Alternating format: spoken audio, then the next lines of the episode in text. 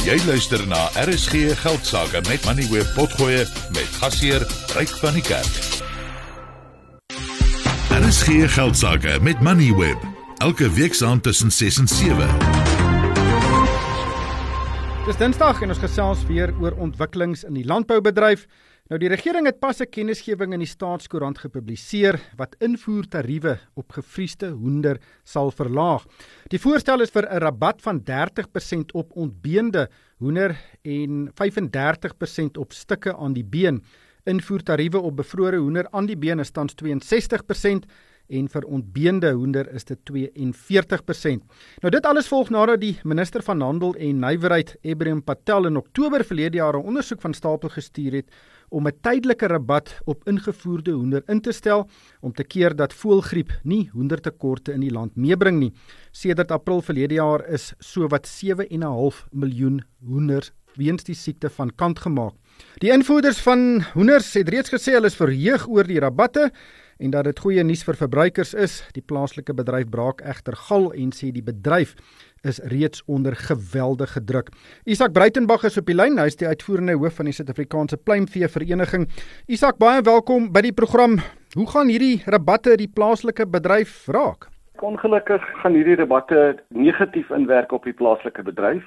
As ons kyk na die totale hoeveelheid hoender geproduseer in die periode van voëlgriep verlede jaar, dan was die totale produksie absoluut normaal. En die rede daarvoor is dat ons het 'n klomp broeieiers verloor met al die hoenders wat ons van kant moes maak weens voëlgriep en ons het dit vervang deur broeieiers in te voer. Ons het in die omgewing van 150 miljoen broeieiers ingevoer en ons het daai broeiers gebruik om te plaas en uit te broei en dan braaikuikens te produseer.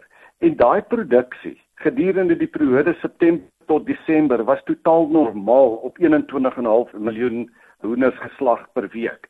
So daar's geen rede waarom die minister nodig het om hierdie aankondiging te maak nie. Maar as ek nou my verbruikershoed opsit, die jongste inflasiesyfers wys dat eiers in Desember 38% duurder was as in Desember 22 en hoenderpryse was so wat 15% hoër. So baie van die probleme wat die bedryf ervaar het, het deurgevloei tog na pryse wat verbruikers moet betaal.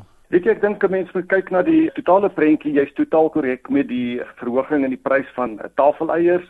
Daar's nie 'n moontlikheid om daai eiers in te voer en aan die vraag te voldoen nie en daarom het daai pryse so materieel toegeneem. As ons kyk na die vleispryse het dit baie laag toegeneem. Die syfer wat jy noem is jaar op jaar en dit is hoofsaaklik gedryf deur die hoër grondstofkoste waarmee ons gesukkel het gedurende 2023. Die grondstofkoste, die pryse van mielies en soja word op die wêreldmark bepaal op Chicago Board of Trade. Daarom betaal ons wêreldpryse en dit was geweldig hoog geweest. En dit het veroorsaak dat die pryse toeneem. As ons nou kyk na die impak van voëlgriep, voëlgriep het in September uitgebreek. Dit het rofweg in November opgehou. En as ons kyk na die prysverhogings van September tot Desember, was dit maar 5.4%. En dit is ons normale verhoging wat ons sien in daardie periode na die feesseisoen toe waar die prys van hoender normaalweg toeneem. Kom ons gesels op hierdie produkte wat nou teen hierdie rabat ingevoer kan word of waarop die rabat geld. Ontbeende hoender is die rabat 30% en op stukke aan die been 35%. Presies wat is ontbeende hoender en hoenderstukke aan die been? Ongelukkig dink ek met 'n mens die Engelse bewoording hier gebruik, dit is meer beskrywend. Die een produk is boneless chicken soos hulle in Engels sou sê en bone-in chicken. Dit is die onderskeid is die been binne in die vleis. 99% van alle ontbeende produk wat ons invoer, sal borsvleis wees. En dit is maar 'n baie klein hoeveelheid van invoere op die oomblik. 'n Groter deel van die invoere is die produkte wat been in het. Dit sal die agterkwarte wees, dit sal die boutjies wees, dit sal die duie wees en op daardie is daar 'n 35% rabat toegestaan op die ingevoerde produk. Nou, dit is 'n produk wat baie gebruik word in Suid-Afrika. Die laer inkomste groepe sal daai produk koop. Is dit tipies daardie sakke met hoenderstukke in wat jy gevries kry by supermarkte? Korrek. Dit is die ek wil amper sê die laagste prysproduk, hoenderproduk. Ek praat nou nie van goed soos rooi afval, die lewers en die niertjies en harte en goed nie. Sal dit die goedkoopste vleis wees en ons produseer so 45% van die produk en dit is maar 'n Engelse naam, die IQF mark. en dit is wat die mense koop. Ja. Teen hoeveel goedkoper kan daai produkte ingevoer word teenoor wat dit die plaaslike bedryf kos om dit te produseer? Die manier om na dit te kyk is Wageningen Universiteit het 'n studie gedoen 'n jaar gelede om te kyk wat is die verskil in produksiekoste tussen Suid-Afrika en lande soos Brasil, Amerika en vier Europese lande. En hulle bevinding was net Brasil kon hoender goedkoper produseer as Suid-Afrika. Nie eers Amerika kan hoender goedkoper produseer nie. En natuurlik as ons daai produkte invoer, daar is 'n koste, verskepingskoste betrokke op dit. Daarom het die industrie of kon die industrie vir baie jare goedkoop hoender aan almal voorsien. As 'n mens kyk spesifiek wat hierdie rabat sal doen, dan sal die rabatte vermindering in die invoerprys teweegbring. Dit sal beide wees op die teenstortingsmaatreëls, maar ook op die gewone tariewe wat ons het, die MFN tarief wat jy genoem het. 'n Mens moet onthou dat as ons terugkyk, dan het ons nog nooit gesien dat hierdie lae pryse deurgegee word aan die verbruiker nie. Tot vandag toe kan ek nog nie vir jou sê dat ons een keer opgetel het op 'n kleinhandelaar se rakke dat ingevoerde hoender materieel goedkoper is as lokaal geproduseerde hoender nie. Die produk verkoop op markprys.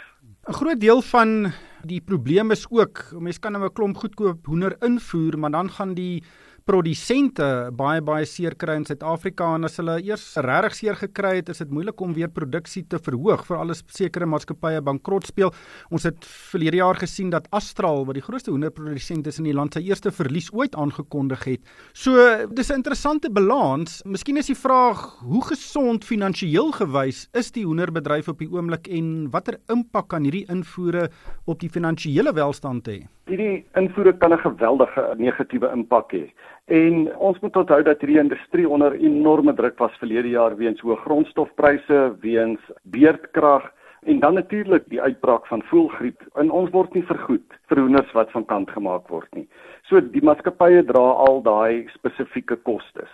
Tot op hede kon ons in steede van om die waardeketting te laat leeg staan, met ander woorde ons het nie bebroeide eiers ingevoer nie, die broeierye het nie vol geproduseer nie, die plase het nie geproduseer nie en daarom het die abattoirs op halfkapasiteit geloop. Ons het dit voorkom.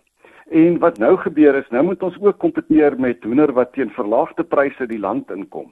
En al wat kan gebeur in 'n situasie waar daar genoeg hoender in die mark is en eintlik 'n baie hoë volume hoender in die mark is, hoër as normaal, gaan dit ongelukkig gebeur dat ons begin om plaaslike produksie te vervang met ingevoerde hoender. Doeteenvoudig omdat die plaaslike produsent nie kan kompeteer nie. Daar's te veel hoender in die mark en wat ons dan normaalweg doen is ons sny terug. Ons laat plase leeg staan, ons laat abattoirs minder hoender produseer en dit lei tot werksverliese. Isak, baie dankie vir jou tyd. Dit was Isak Breitenberg, die uitvoerende hoof van die Suid-Afrikaanse Pluimvee Vereniging. Jy het geluister na RSG Geldsaake met Money where potgoe elke weeksdag om 7 na middag. Vir meer Money where potgoe, besoek moneyweb.co.za of laai die toepassing af en volg Moneyweb News om dagliks op hoogte te bly.